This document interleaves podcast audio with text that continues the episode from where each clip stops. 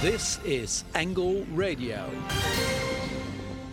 Hi everyone, my name is Romy. Hi guys, my name is Dave. And you're now listening to Angle Radio. Today we have a special theme because we are going to talk about the upcoming European elections. Are you up to date yet about what's happening in Europe, Dave? Well, I gotta be honest that I'm not super involved in these upcoming elections, but let's hope we are going to find out more about it today here in the studio. Yes, today we are going to listen to the summary of the presidential debate by Maarten. But before that, we are first going to listen to Charissa asking people on the street if they are going to vote and if they got enough information to do so. I'm also looking forward to our interview with Kim van Sparrentak from the Green Left Party. Also, don't forget to stick around till the end because Carl has some fun uh, facts coming up for us. But first, let's listen to Don't Call Me Up by Mabel. When I'm underneath the bright lights, when I'm trying to have a good time. Cause I'm good now, you ain't mine. Nah, nah, nah, nah. Don't call me up when you're looking at my photos. Getting hot, losing control. You want me more now, I let go. Nah, nah, nah, nah. I'm over you. And I don't need your lies no more. Cause the truth is without you, boy, I'm stronger. And I know you said that I'll change up a cold heart, but it was your game that last. Cause ooh, I'm over you. Don't call me up, I'm going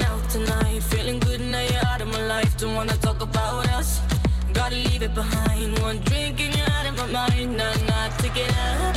Baby, I'm on the high and you're alone, going out of your mind. But I'm here up in the club, and I don't wanna talk. So don't call me up, cause I'm here looking fine, babe.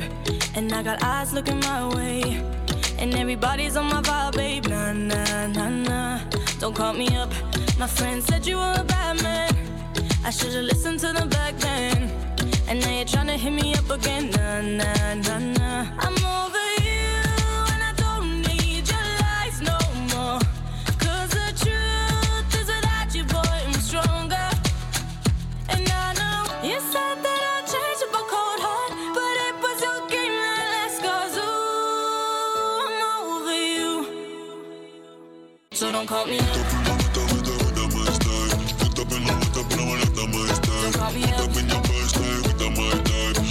Don't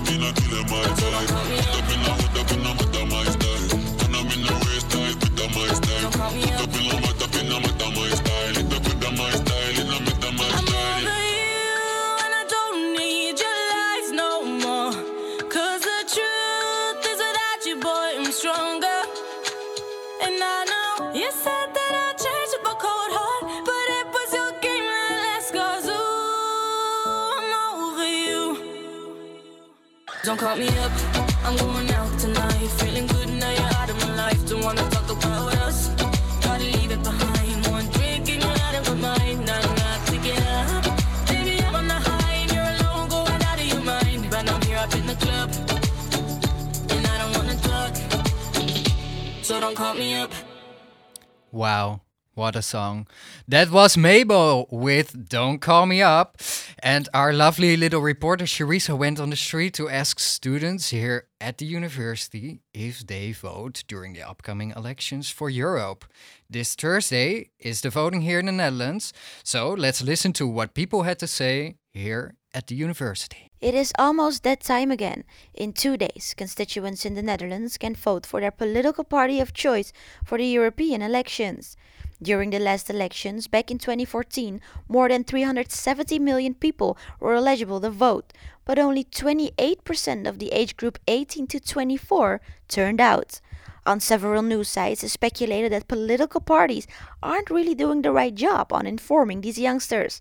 So I walked around the University of Applied Sciences in Amsterdam to ask students what makes them to decide to vote or not to vote. Are you going to vote for the European elections? Uh, yeah, yes.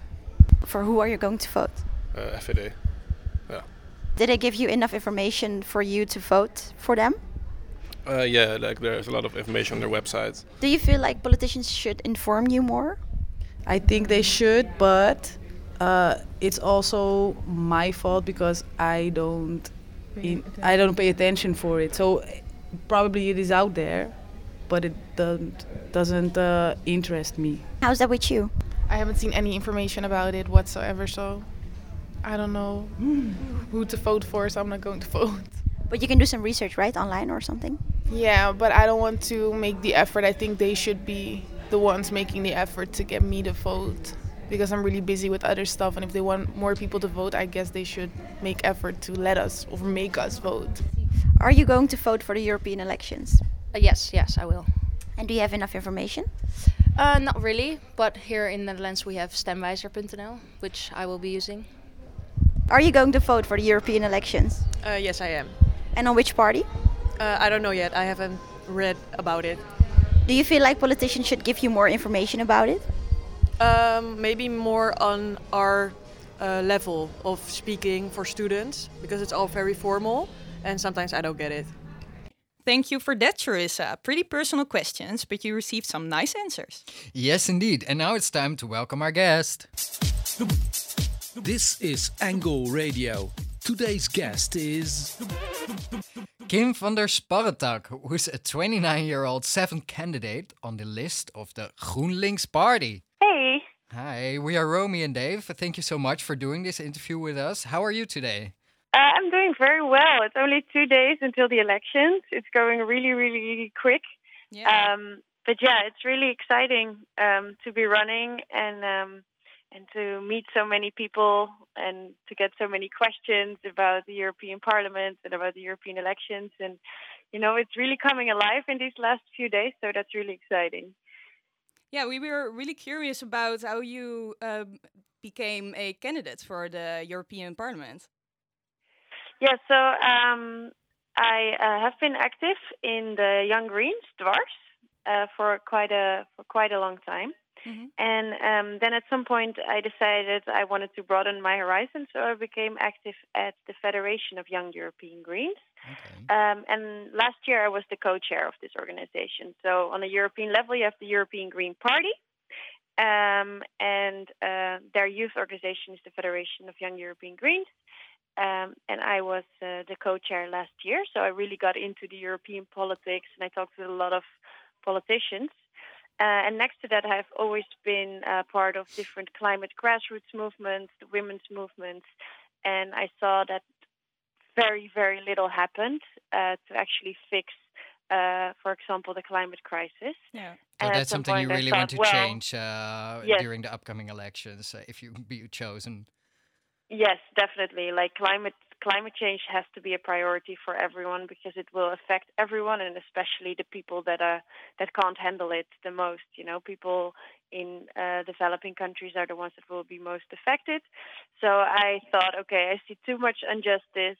I uh, have seen that I can change stuff uh, these last few years. So now I'm just going to go for it and try to fix it in the European Parliament myself.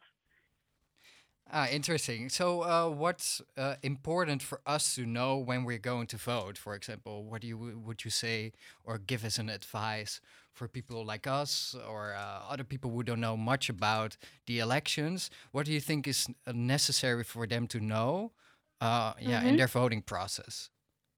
Actually, I wrote a. That's interesting. I wrote a story. I made a story about that on Instagram yesterday because I spoke to a lot of young people, especially, who were like, "Yeah, I know enough to vote. I feel I, I'm insecure." Um, what I think is really important that you know is that the European Parliament um, makes the broad lines. They draw the broad lines for policy in Europe. Yeah. Um, and I think for you, you have to know what you find important. What is a topic that, when you look outside in the world, is like that's an important topic for me. Yeah. And then, um, and then you also have to know what you don't want. So in my case, I find the climate crisis the most important topic, and also I want to um, stand against, and I'm completely against parties that um, put minorities and women that they that push them away. Um, so for me, it's really clear that I want to vote for a progressive party that has climate as their core. And then I know that I'm more a left-wing oriented person, so that's how I come, came to the Greens. And I think if you know like what you want, what you don't want, and whether you're more left or right economically, then it's really easy to choose a party. Yeah. Well, thank you so much, Kim, for being our guest today. And for the advice. No problem. For the young people who don't know uh, what to vote for. Yeah, indeed. Right? I really hope everyone goes out because five years ago, only 18% of people between 18 and 25 went to vote. And Oh, what's the aim this Really year? The, the aim this year will be 50%? More, more. I mean, come on, it's Yeah. about our future. We Yeah. have to go Yeah. and vote. We have to make our voices heard. We're definitely going to vote for yes, sure. definitely. And you got uh, Yeah, our very vote. yes, yes. oh, wow, thank you. okay, thank you so much, Kim. We wish you all the best Okay. for the elections on Thursday. thank you so much. Okay, have a nice Bye-bye. day. Bye Bye. bye. So, we got only two days left before the elections, so let the final countdown begin.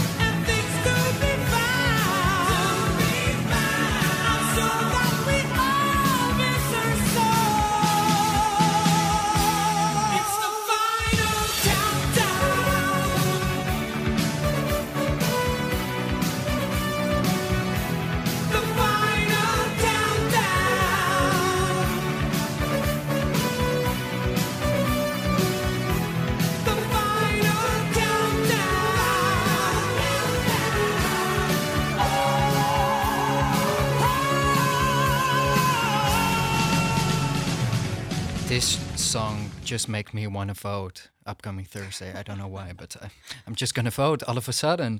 You just heard the final countdown by Europe.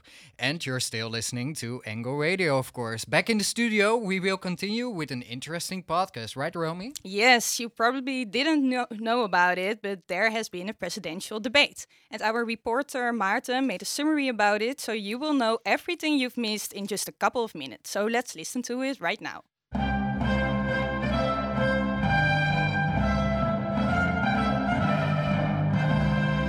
Chances are that you did hear this intro last week, but not for the European elections. The same intro that is used for the Eurovision Song Contest was also used for the Eurovision presidential debate for the European Commission, hosted by three presenters from France, Germany, and Finland. This is how they introduced the debate. Good evening, Europe. Welcome to Eurovision debate. There is tonight we put the big questions to the people who want to lead the European Commission for the next five years. So for one and a half hour they filmed the debate with six candidates, and immediately you feel that there's a problem here, because you and probably everybody else have no idea who these candidates are. It's one of the reasons you also probably didn't know the existence of this debate at all. Fortunately, they get a proper introduction. Nico Cué, a Spanish born Belgian trade unionist and lead candidate for the European left.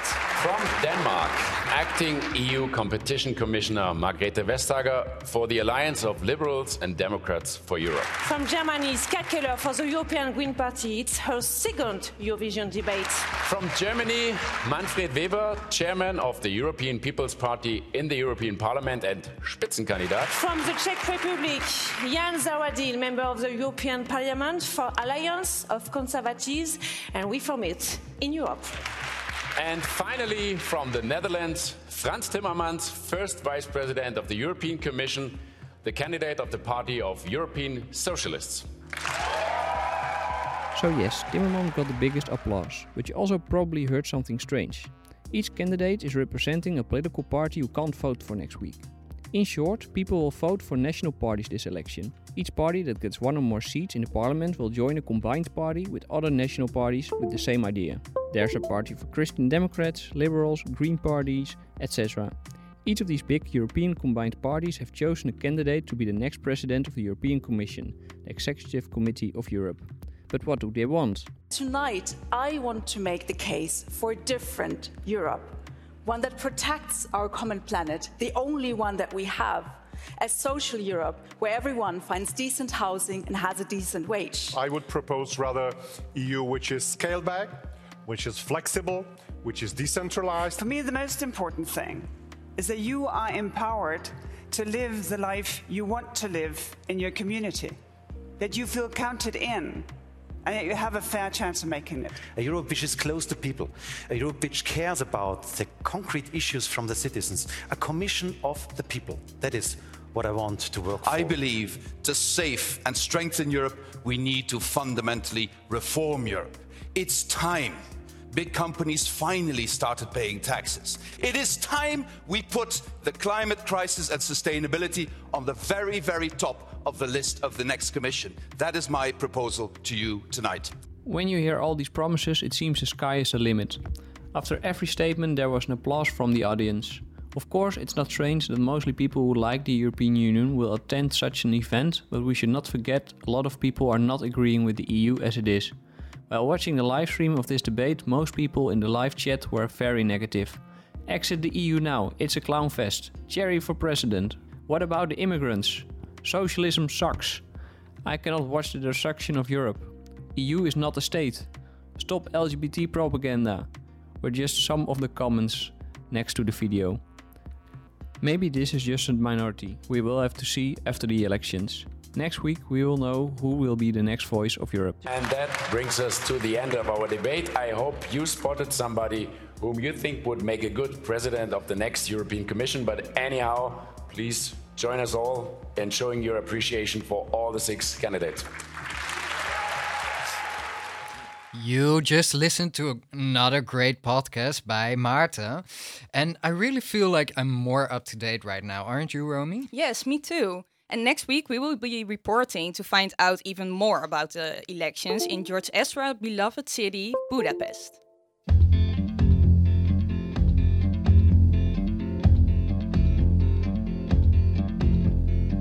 My house in Budapest, my, my hidden treasure chest, golden grand piano, my beauty focus EOU. Ooh, you, ooh, I'd leave it all. My acres of land I've achieved.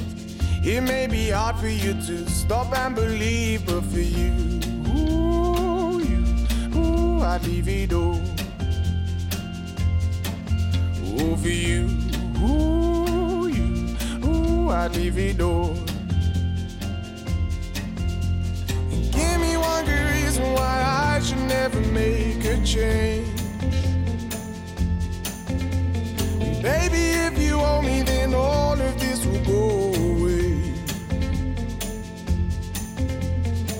My many artifacts, the list goes on. If you just say the words, I, I'll up and run. Oh, to you, ooh, you, ooh, I'd divido.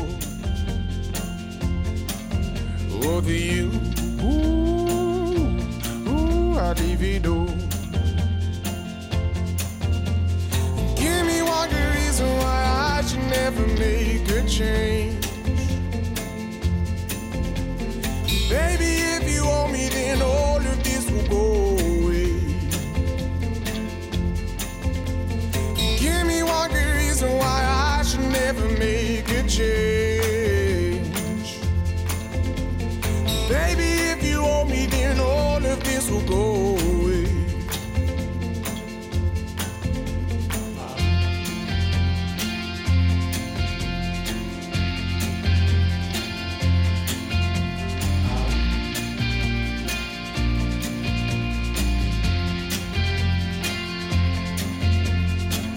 My friends and family, they don't understand.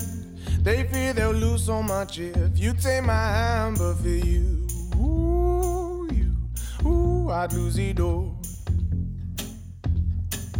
Ooh, for you, ooh, you, ooh, I'd lose it all. Give me one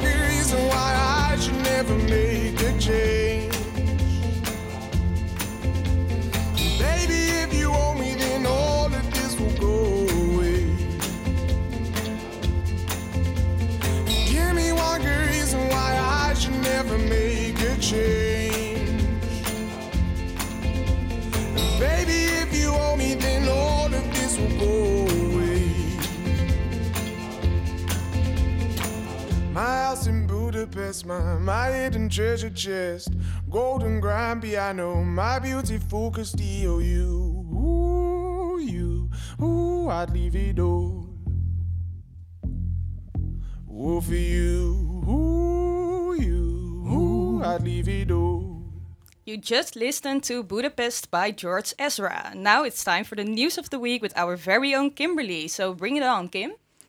Austria's Chancellor Sebastian Kurz has called a snap election following the collapse of his coalition government. The move came after Vice Chancellor Heinz Christian Strache resigned after he has been filmed offering trade public contracts for campaign support to an alleged Russian investor. This controversial meeting was on the Spanish island Ibiza just before the Austrian election in 2017, German media reported. Mr. Kurz's center right People's Party has been in government with Mr. Strache's far right Freedom Party. New elections will probably take place in September, will show if there is a second chance for this coalition. Romy and Dave, what do you think? Will Austria's video scandal influence also the European elections? Yeah, I think that he just missed his chance. Mm. That, uh, yeah, people don't trust him anymore. Yeah. I think. Yeah, I think uh, b- because there's already a lack of trust in the European uh, Union, uh, like elections and the people you can vote for. So Mm. Yeah. I think with a scandal like this, it gets even worse. Probably, you're right. But I also have happy news, especially for you guys, since you're born and raised in the Netherlands. The Netherlands' Duncan Lawrence has won the 2019 Eurovision Song Contest with his song Arcade. He came through, yay! he came through to the top of the leaderboard with 492 points after public vote. However, the Eurovision Song Contest in Tel Aviv was not just about music, but also about politics. Activists called for a boycott of the contest because of the ongoing Israeli Palestinian conflict and also the final itself was political. Iceland's contestants, punk rock band Hatari, displayed Palestinian flags during the live broadcast of the results.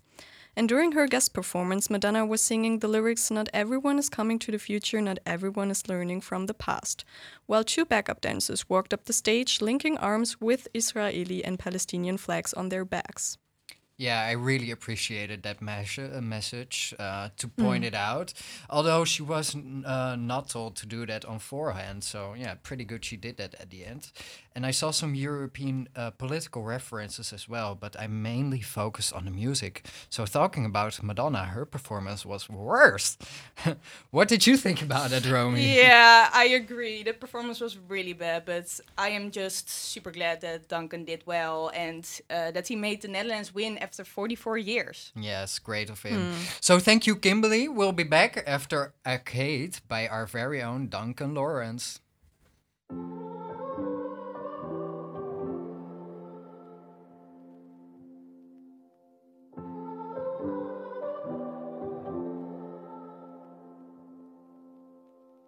A broken heart is all that's left. I'm still fixing all the cracks. Lost a couple of pieces when I carried it, carried it, carried it home. I'm afraid of all I am. My mind feels like a foreign land. Silence ringing inside my. Please carry